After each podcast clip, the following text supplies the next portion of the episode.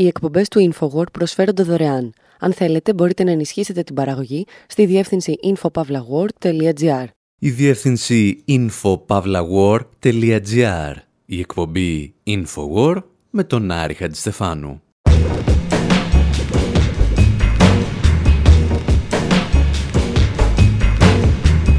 Όπου σήμερα πετάμε με ένα μικρό αεροπλάνο για να δούμε ποιος, ποιος θα φαγωθεί.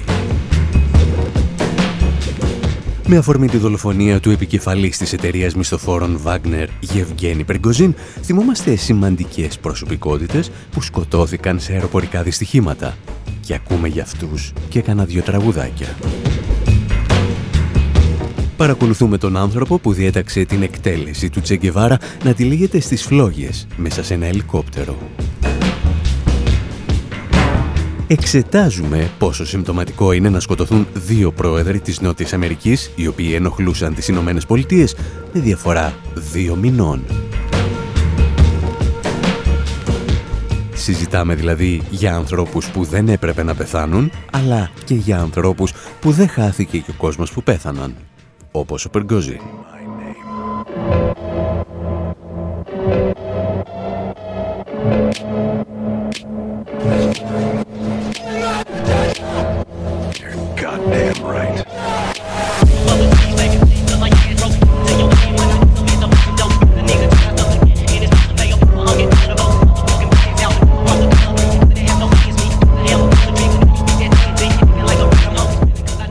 Η Atomic πλάγια, για τους οποίους δεν είμαστε σίγουροι εάν είναι ένα ή περισσότερα άτομα και μάλλον δεν θα μας απασχολήσουν ξανά σε αυτή την εκπομπή, έγραψαν πρόσφατα το κομμάτι που ακούτε για τον Γευγένη Πριγκοζίν. Για την ακρίβεια, ακούμε τον ίδιο τον Πριγκοζίν από το περίφημο βίντεο που είχε στείλει στην ηγεσία της Μόσχας και κυρίως στον Υπουργό Άμυνας Σεργέη Σαϊγκού και τον Ρώσο επιτελάρχη Βαλέρη Γκεράσιμοφ. Σαϊγκού! Γεράσιμοφ! боеприпасы! Посмотрите на них, Όρθιος μπροστά σε δεκάδες πτώματα στρατιωτών της εταιρεία του, ο Πριγκοζίν έβριζε θεούς και δαίμονες, απαιτώντα από τη Μόσχα να του στείλει πυρομαχικά. Για αρκετούς, ο αρχηγός της Βάγνερ ήταν ένας άνθρωπος με ημερομηνία λήξης από τη στιγμή που ήρθε σε σύγκρουση με τον Πούτιν και ξεκίνησε ένα πραξικόπημα το οποίο δεν ολοκλήρωσε ποτέ. Και έτσι ακριβώς είχαν τα πράγματα. The mercenary group leader who led a rebellion against Vladimir Putin is presumed dead. According to Russian media, Yevgeny Prigozhin, the Wagner group leader who led an attempted coup against Vladimir Putin, Παρεπιπτόντως, μαζί με τον Πριγκοζίν σκοτώθηκαν και άλλα εννέα άτομα, που όπως έγραψε και κάποιος στο Twitter, όταν έμαθαν ότι ο μεγαλύτερος εχθρός του πρόεδρου Πούτιν θα πετούσε με αεροπλάνο, πρέπει να είπαν «Κάτσε, έρχομαι κι εγώ». Ο θάνατος του Πριγκοζίν είναι μία από εκείνες τις περιπτώσεις όπου υπάρχουν βάσιμες υπόνοιες ότι το αεροπορικό δυστύχημα δεν έγινε τυχαία Όλοι έχουν μια ιδέα επίσης για το ποιος ευθύνεται, αλλά κανένας δεν αναλαμβάνει την ευθύνη. Και ορισμένες τέτοιες ιστορίες θέλουμε να σας διηγηθούμε σήμερα. Προειδοποιούμε ότι το θέμα είναι ναρκοθετημένο με θεωρίες συνωμοσίας, τις οποίες θα προσπαθήσουμε να αποφύγουμε ή να εξηγήσουμε.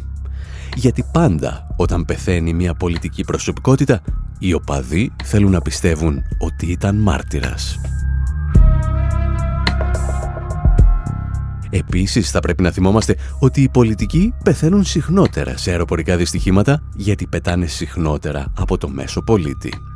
Σε χώρες μάλιστα του τρίτου κόσμου πετάνε σε απομακρυσμένες περιοχές με αεροσκάφη αμφίβολης αξιοπιστίας. Και μετά από αυτές τις διευκρινήσεις μπορούμε να ξεκινήσουμε.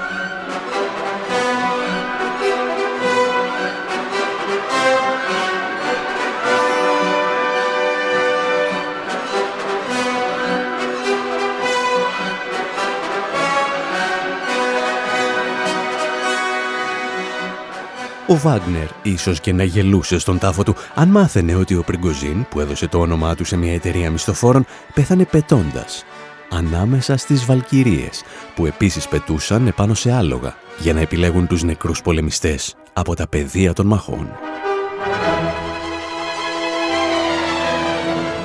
Ο Γερμανός Βάγκνερ όμως μας φέρνει γεωγραφικά λίγο πιο κοντά και στον πρώτο αρχηγό κράτους που σκοτώθηκε σε αεροπορικό δυστύχημα. Τον Αδόλφο τον δεύτερο, πρίγκιπα του Σάουμπορ Κλίπε, στη σημερινή κάτω Σαξονία.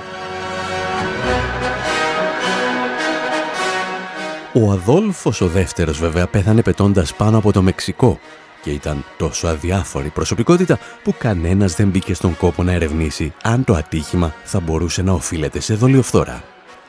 Για να έχετε μια ιδέα, το πιο συναρπαστικό στοιχείο στη ζωή του Αδόλφου του δεύτερου ήταν ότι ο αδερφός του ήταν υπασπιστής του Γκέμπελς. Η Νότια Αμερική πάντως, στην οποία θα πεθάνει ο πρώτος αρχηγός κράτους σε αεροπορικό δυστύχημα, θα συνεχίσει να τρώει κορυφαίους πολιτικούς. Και οι δύο πιο γνωστές περιπτώσεις ήταν οι πρόεδροι του Ισημερινού και του Παναμά, οι οποίοι σκοτώθηκαν με διαφορά δύο μηνών το 1981. Γι' αυτό όμως θα χρειαστούμε την όχι τόσο μελωδική, αλλά πολιτικά άρτια συνεισφορά του συγκροτήματος Anti-Flag.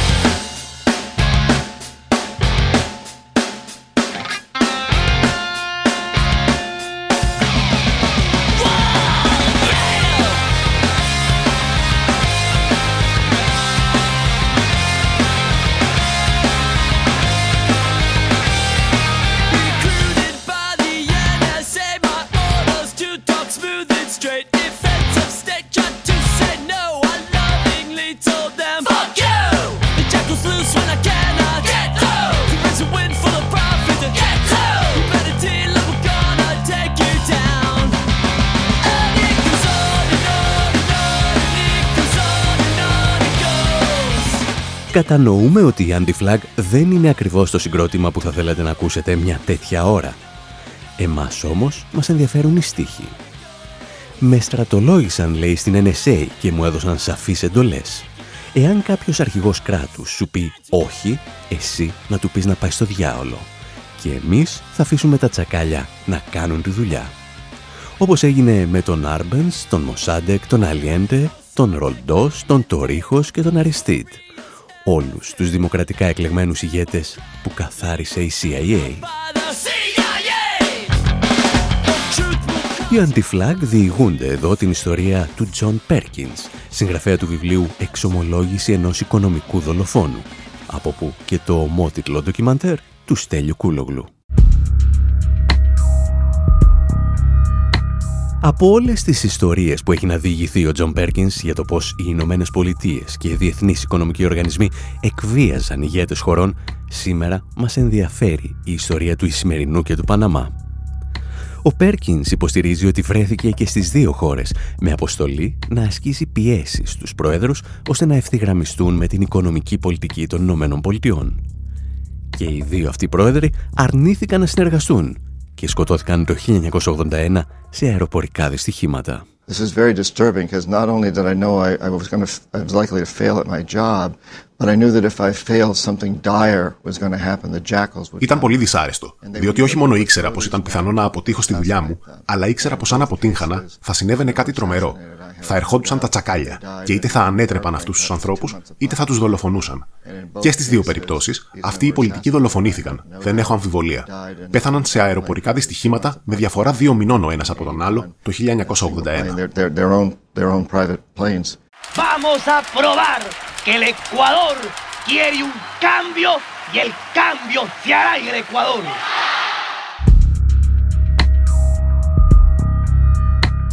Μιλώντας πριν από πολλά χρόνια στο Δημοκρασινάο, ο Πέρκινς ξεκινούσε την ιστορία του από τον πρόεδρο του Ισημερινού, Χάιμε Ρολντός Αγγιλέρα, ο οποίος, μεταξύ άλλων, είχε απειλήσει να εθνικοποιήσει ξένες εταιρείες πετρελαίου. He won the election by a landslide and now he started to put into uh, action his policy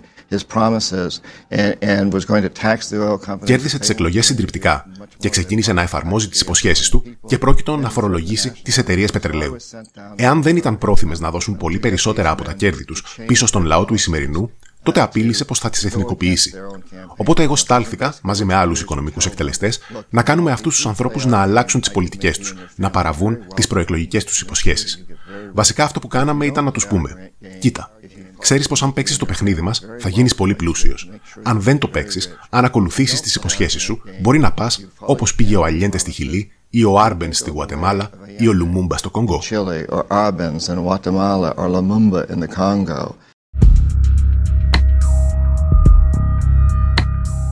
Σχεδόν δύο μήνες μετά το θάνατο του Προέδρου του Ισημερινού σε αεροπορικό δυστύχημα θα τον ακολουθήσει και ο Πρόεδρος του Παναμά, ο δικτάτορας Ομάρ Τορίχο. Omar again was very, very stalwartly standing up to the United States, demanding that the Panama Canal should be owned. Ο Ομάρ και πάλι στάθηκε πολύ στεναρά απέναντι στη ΣΥΠΑ, απαιτώντας η διόρυγα του Παναμά να είναι στην ιδιοκτησία Παναμέζων. Πέρασα πολύ χρόνο με τον Τορίχος και τον συμπαθούσα πάρα πολύ ως άτομο. Ήταν εξαιρετικά χαρισματικός, τρομερά θαραλέος και πολύ εθνικιστής στη θέλησή του να πάρει το καλύτερο για τον λαό του. Δεν μπορούσα να τον διαφθείρω. Έκανα ό,τι μπορούσα για να του αλλάξω γνώμη. Καθώς αποτύγχανα, ήμουν ταυτόχρονα πολύ ανήσυχος ότι κάτι θα του συνέβαινε. Ήταν ενδιαφέρον πως όταν το αεροπλάνο του Χάιμερ Ολντός συνετρίβει τον Μάιο, ο Τορίχο μάζεψε την οικογένειά του και είπε: Πιθανόν είμαι ο επόμενος, αλλά είμαι έτοιμος να φύγω.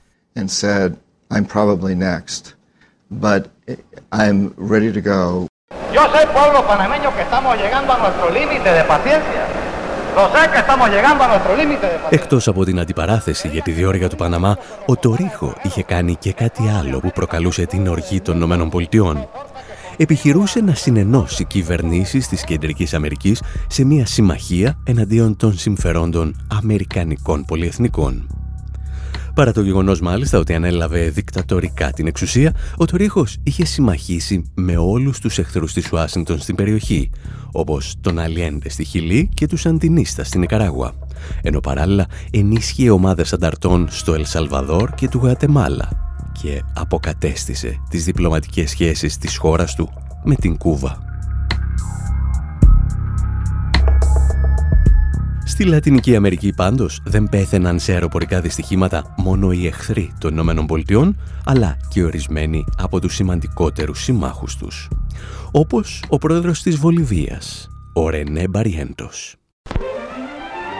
Un acontecimiento memorable vivió la capital de Bolivia, La Paz.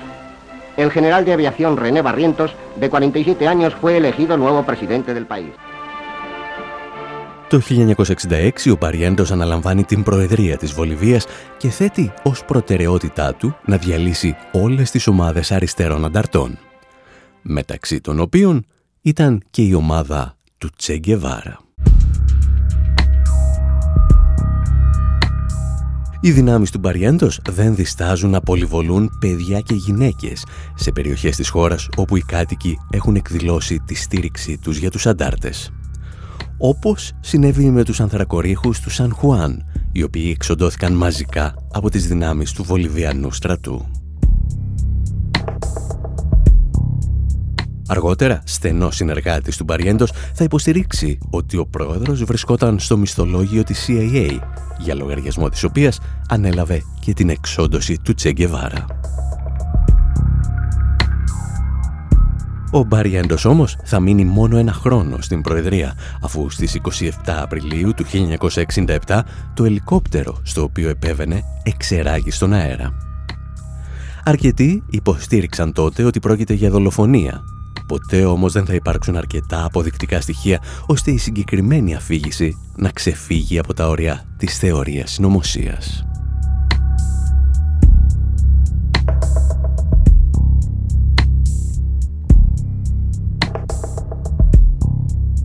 Το φάντασμα του Τσέγκεβάρα πάντως το συναντάμε και σε ένα άλλο μοιραίο αεροπορικό δυστύχημα, αυτό του Προέδρου της Μοζαμβίκης Σαμόρα Ματσέλ.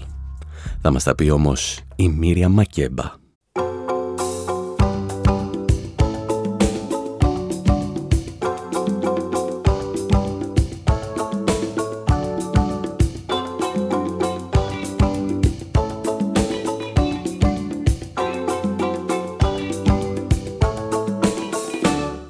My people, my people, open your eyes and answer the call of the drum.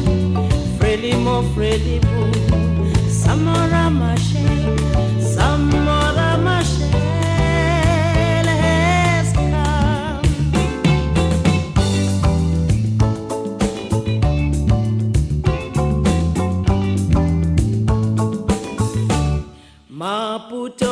Maputo, Maputo, home of the brave, our nation will soon be as one. Frelimo, Frelimo, Samora Machel, Samora Machel has one. Η Μίρια Μακέμπα, γνωστή και ως Μάμα Αφρικα, έχει από μόνη της ιστορία με την οποία θα μπορούσαμε να γεμίσουμε πολλές εκπομπές. Μαθήτρια του Χάρη Μπελαφόντε έγινε persona non grata για τις Ηνωμένες Πολιτείες όταν εξέφρασε την συμπαράστασή της στη μαρξιστική ένοπλη οργάνωση Μαύροι Πάνθυρες. Εδώ πάντως την ακούμε να τραγουδά για τον Σαμόρα Ματσέλ.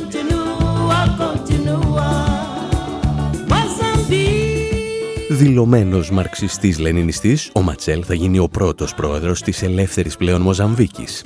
Ύστερα από τον αγώνα για την ανεξαρτησία της χώρας, στον οποίο συμμετείχε ενεργά και ο ίδιος. Ένας αγώνας, ο οποίος είχε τη στήριξη της Κούβας και της Σοβιετικής Ένωσης.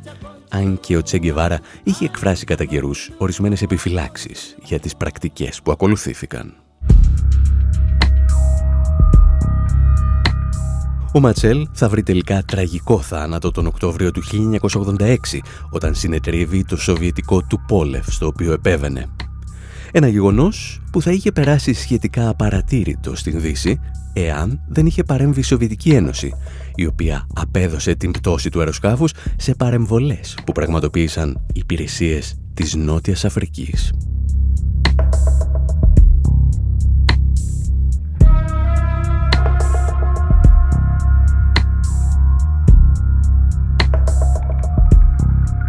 Εμείς πάλι ολοκληρώνουμε κάπου εδώ τις ιστορίες για αεροσκάφη με πολιτικές προσωπικότητες που εξαφανίζονται από τα ραντάρ.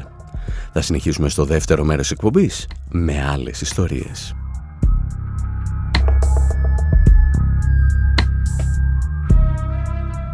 Οι εκπομπές του InfoWord προσφέρονται δωρεάν. Αν θέλετε, μπορείτε να ενισχύσετε την παραγωγή στη διεύθυνση infopavlagor.gr.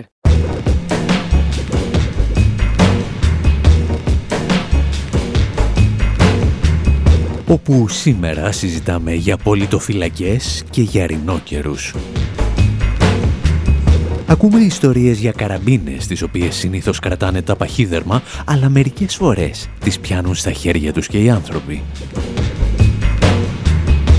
Ταξιδεύουμε στις Ηνωμένε Πολιτείες της δεκαετίας του 30 για να δούμε τις πάντοτε φασιστικές πολιτοφυλακές να χτυπούν και Αμερικανούς πολίτες. Και αναρωτιόμαστε πώς έφτασαν όλοι αυτοί μέχρι τον Εύρο. Θυμόμαστε τον Ιονέσκο που μας δίδαξε να μην εγκαταλείπουμε τη μάχη ακόμη και αν αισθανόμαστε ότι αποτελούμε τον τελευταίο άνθρωπο πάνω στη γη.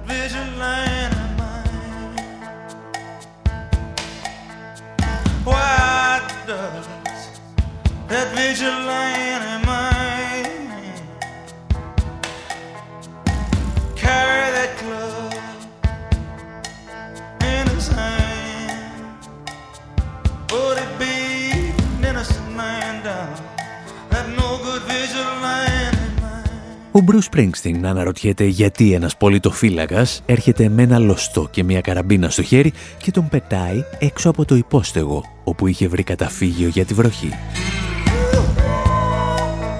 Φεύγω, λέει, από πόλη σε πόλη για να γλιτώσω και ο Βιτζιλάντε με καταδιώκει σαν ένα κοπάδι από ζώα. Όπου Βιτζιλάντε σε ελεύθερη απόδοση είναι τα μέλη των πολιτοφυλακών. Οι άνθρωποι που παίρνουν τον νόμο στα χέρια τους. Και κάπου εδώ θα μπορούσε να ξεκινήσει μια σειρά παρεξηγήσεων, καθώς ο όρος πολιτοφυλακή έχει χρησιμοποιηθεί στην ιστορία για να περιγράψει ομάδες πολιτών, συνήθως ενόπλων, που δεν εντάσσονται επισήμως στο στρατό ή την αστυνομία, αλλά συχνά υποκαθιστούν τα καθήκοντά τους, με ή χωρίς τη σύμφωνη γνώμη του επίσημου κράτους. Πολιτοφύλακες συναντάμε σε ακροδεξιά αλλά ακόμη και σε επαναστατικά καθεστώτα, ενώ ο όρος vigilantes στα αγγλικά έχει αποδοθεί ακόμη και σε μέλη τρομοκρατικών οργανώσεων.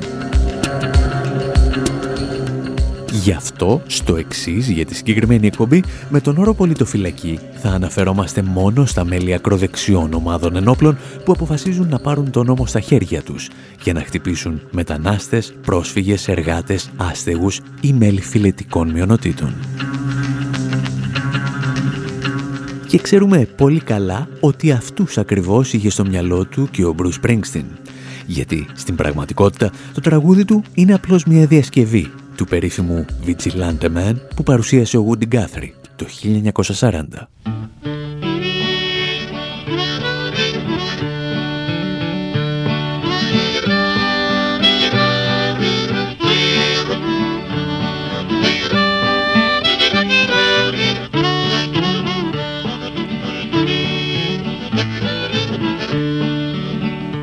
Have you seen that vigilante man? Have you seen that vigilante man? Have you seen that vigilante man? I've been hearing his name all over the land.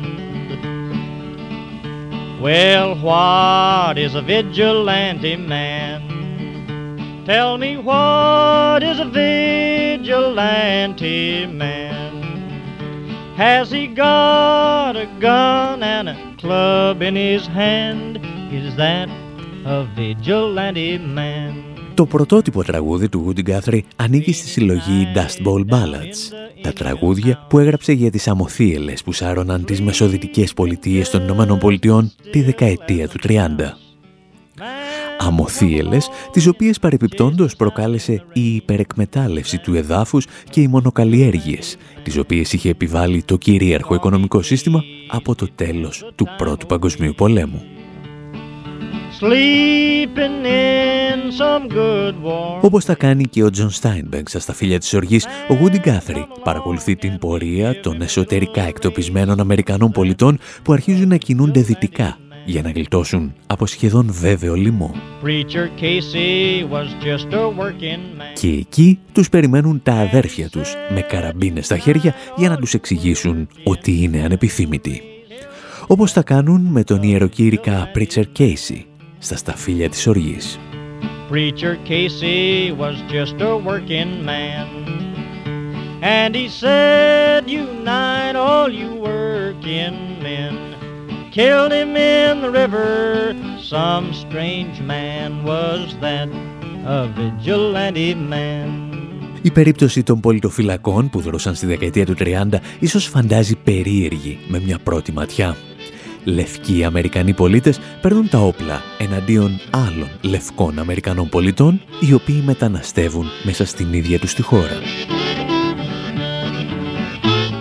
Το μόνο που διαχωρίζει τον πολιτοφύλακα από το θύμα του είναι ότι το τελευταίο είχε την ατυχία να βρεθεί πιο χαμηλά στην ιεραρχία του εργατικού δυναμικού της χώρας. Vigilante man.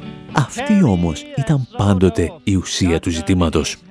Σε κάποιες περιπτώσεις απλώς τα πογκρόμ γίνονταν με πρόσχημα φιλετικές διαφορές. Όπως παραδείγματος χάρη οι επιθέσεις που πραγματοποιούσαν οι πολιτοφύλακες της Ku Klux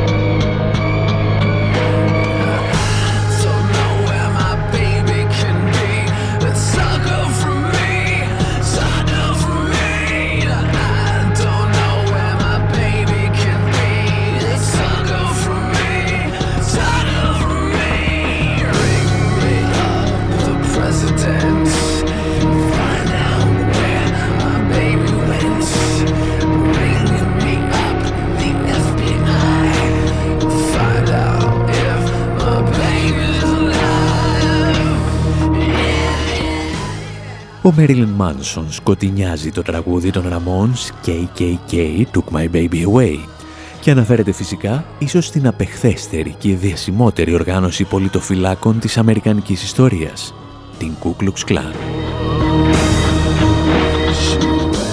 Φαινομενικά, σε αυτή την περίπτωση, ο άλλος με το αλφα κεφαλαίο, ο εχθρός του πολιτοφύλακα, είναι μαύρος, οπότε τα αίτια της σύγκρουσης είναι φιλετικά και όχι ταξικά. Μην αφήνετε όμως ποτέ τα χρώματα να σας παρασύρουν. Η Ku Klux Klan θα γεννηθεί το 1865 από στρατιώτες του Νότου. Το όνομά της προκύπτει από την ελληνική λέξη κύκλος και το κλάν, δηλαδή την φατρία.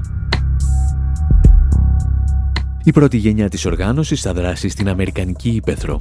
Επιτίθεται, εκτελεί και βιάζει μαύρους που μόλις έχουν απελευθερωθεί από τη δουλεία. Ή τουλάχιστον έτσι τους είχαν πει. Και σε αυτήν την περίπτωση δηλαδή, οι πολιτοφύλακες αποτελούν ένα μηχανισμό ελέγχου της νέας αγοράς εργασίας που προκύπτει. Και φυσικά χτυπούν τους πλέον απροστάτευτους εργάτες στην αλυσίδα. Γι' αυτό ακριβώς το λόγο η Ku Klux Klan θα μετεξελιχθεί πολύ γρήγορα και οι μαύροι θα σταματήσουν να είναι ο μοναδικός της στόχος. Δανειζόμαστε γι' αυτό μερικές κουβέντες από ντοκιμαντέρ του History Channel για την οργάνωση. In the 20s, a strong portion of America felt invaded. Στη δεκαετία του 20, ένα μεγάλο μέρος του πληθυσμού ένιωσε ότι απειλείται από μετανάστες και τους καθολικούς που έφταναν από άλλες χώρες. Κάποιοι ήθελαν να επαναφέρουν την Αμερική που γνώριζαν και η Ku Klux Klan τους υποσχέθηκε ακριβώς αυτό.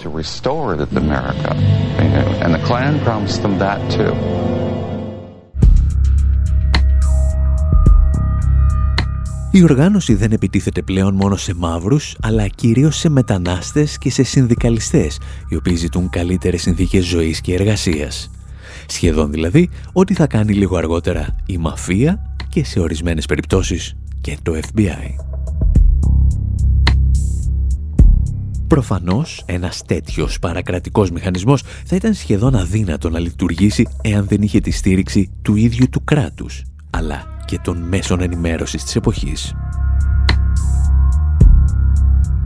Δεν είναι φυσικά τυχαίο ότι η πρώτη μεγάλη υπερπαραγωγή του αμερικανικού κινηματογράφου είναι αφιερωμένη στην Ku Klux Klan. Λέγεται Birth of a Nation, η γέννηση ενός έθνους.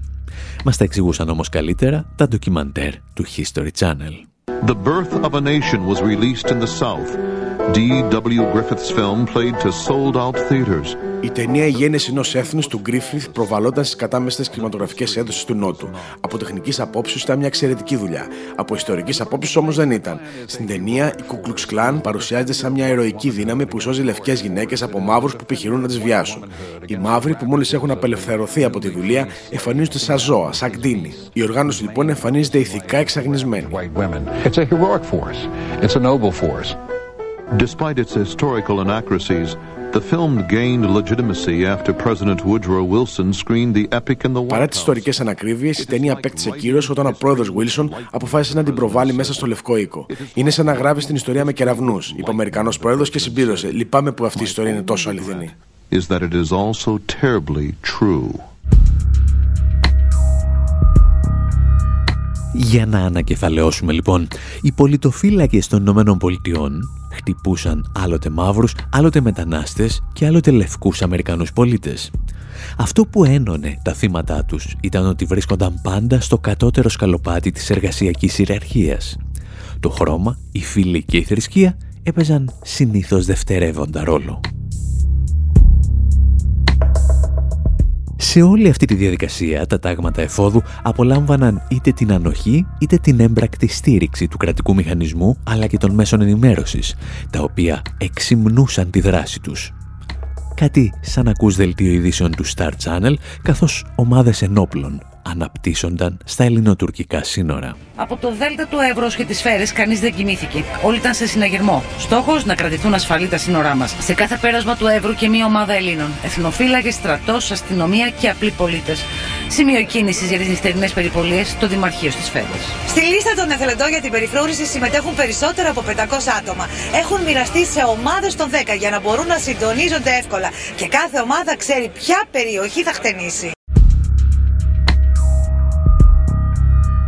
Για να επιστρέψουμε όμως στην άλλη πλευρά του Ατλαντικού, οι πολιτοφύλακες, όπως εξηγήσαμε, αποτελούσαν εν τέλει ένα εργαλείο για τη ρύθμιση της αγοράς εργασίας σε βάρος πάντα των πιο αδύναμων κρίκων της αλυσίδας.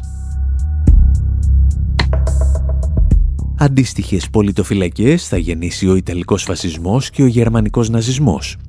Ο Μουσολίνη μάλιστα θα στηρίξει την άνοδό του στην εξουσία σε αυτές ακριβώς τις ομάδες ενόπλων, οι οποίες σκότωναν εργάτες για λογαριασμό βιομηχάνων, όπως ο Ανιέλη.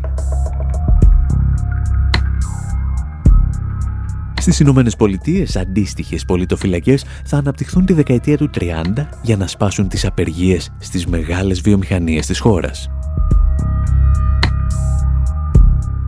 Και μία από αυτές τις απεργίες που άλλαξε για πάντα την αμερικανική οικονομία έγινε στα εργοστάσια της General Motors στο Flint του Michigan το 1936. Για έξι εβδομάδες οι εργαζόμενοι κρατούσαν τα εργοστάσια υποκατάληψη με συνεχείς συγκρούσεις με την αστυνομία και το στρατό που επιτίθονταν με δακρυγόνα και γκλόμπς.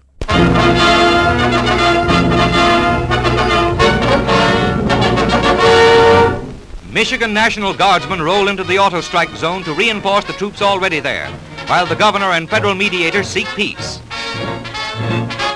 These soldiers at Flint, marching into the General Motors area to maintain law and order, seized this sound truck from which agitators were shouting instructions to pickets. Τα επίκαιρα της εποχής περιέγραφαν την ανάπτυξη στρατιωτικών δυνάμεων εναντίον των απεργών της General Motors. Αυτό που δεν έλεγαν είναι πως όταν αποχωρούσε η αστυνομία και ο στρατός ερχόταν η Μαύρη Λεγεώνα. Ομάδες τραμπούκων με όπλα και λοστούς στα πρότυπα της Ku Klux Klan, οι οποίοι εργάζονταν τώρα για λογαριασμό της General Motors. Για την ιστορία πάντως, οι εργαζόμενοι στη General Motors θα κερδίσουν τελικά την απεργία και θα αλλάξουν για πάντα τις εργασιακές σχέσεις στις Ηνωμένες Πολιτείες. Δημιουργούνται έτσι τα πρώτα μεγάλα συνδικάτα εθνικής εμβέλειας, ενώ κερδίζεται το δικαίωμα στις συλλογικές συμβάσεις.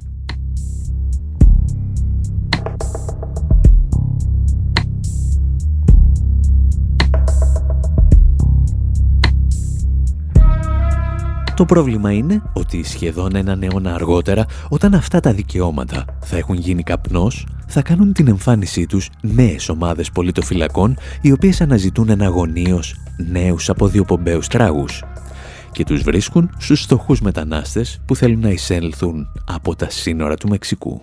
The FBI has arrested the head of an armed vigilante group that has repeatedly filmed itself detaining migrant border Το crossers. FBI συνέλαβε τον επικεφαλής μιας ένοπλης ομάδας αυτόκτητων τιμωρών που έχουν επανειλημμένα κινηματογραφηθεί να συλλαμβάνουν υπό την απειλή όπλου μετανάστες που περνούν τα σύνορα.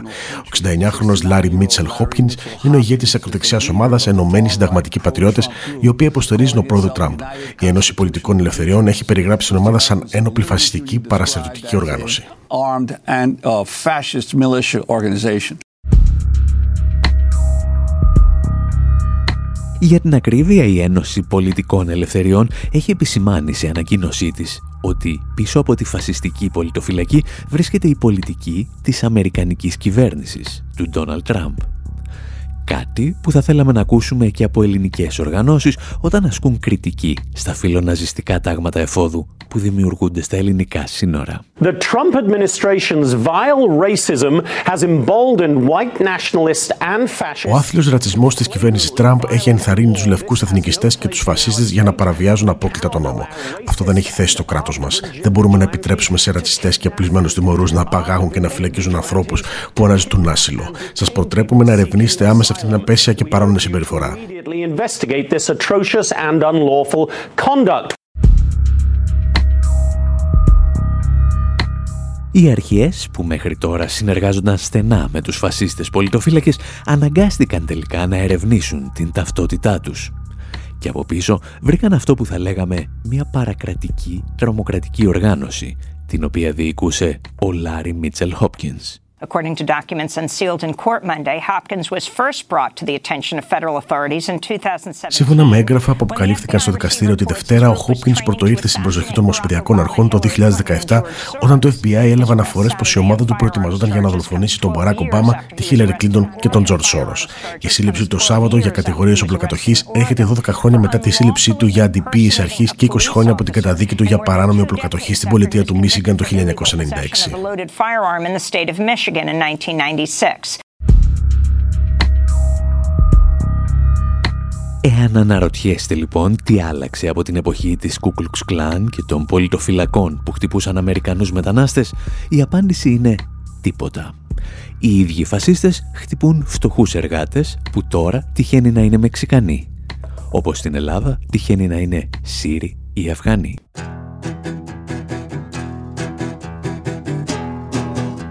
Εμείς πάλι λέμε να σας αφήσουμε και για αυτή την εβδομάδα. Από τον Άρη Στεφάνου στο μικρόφωνο και τον Δημήτρη Σαθόπουλο στην τεχνική επιμέλεια, γεια σας και χαρά σας.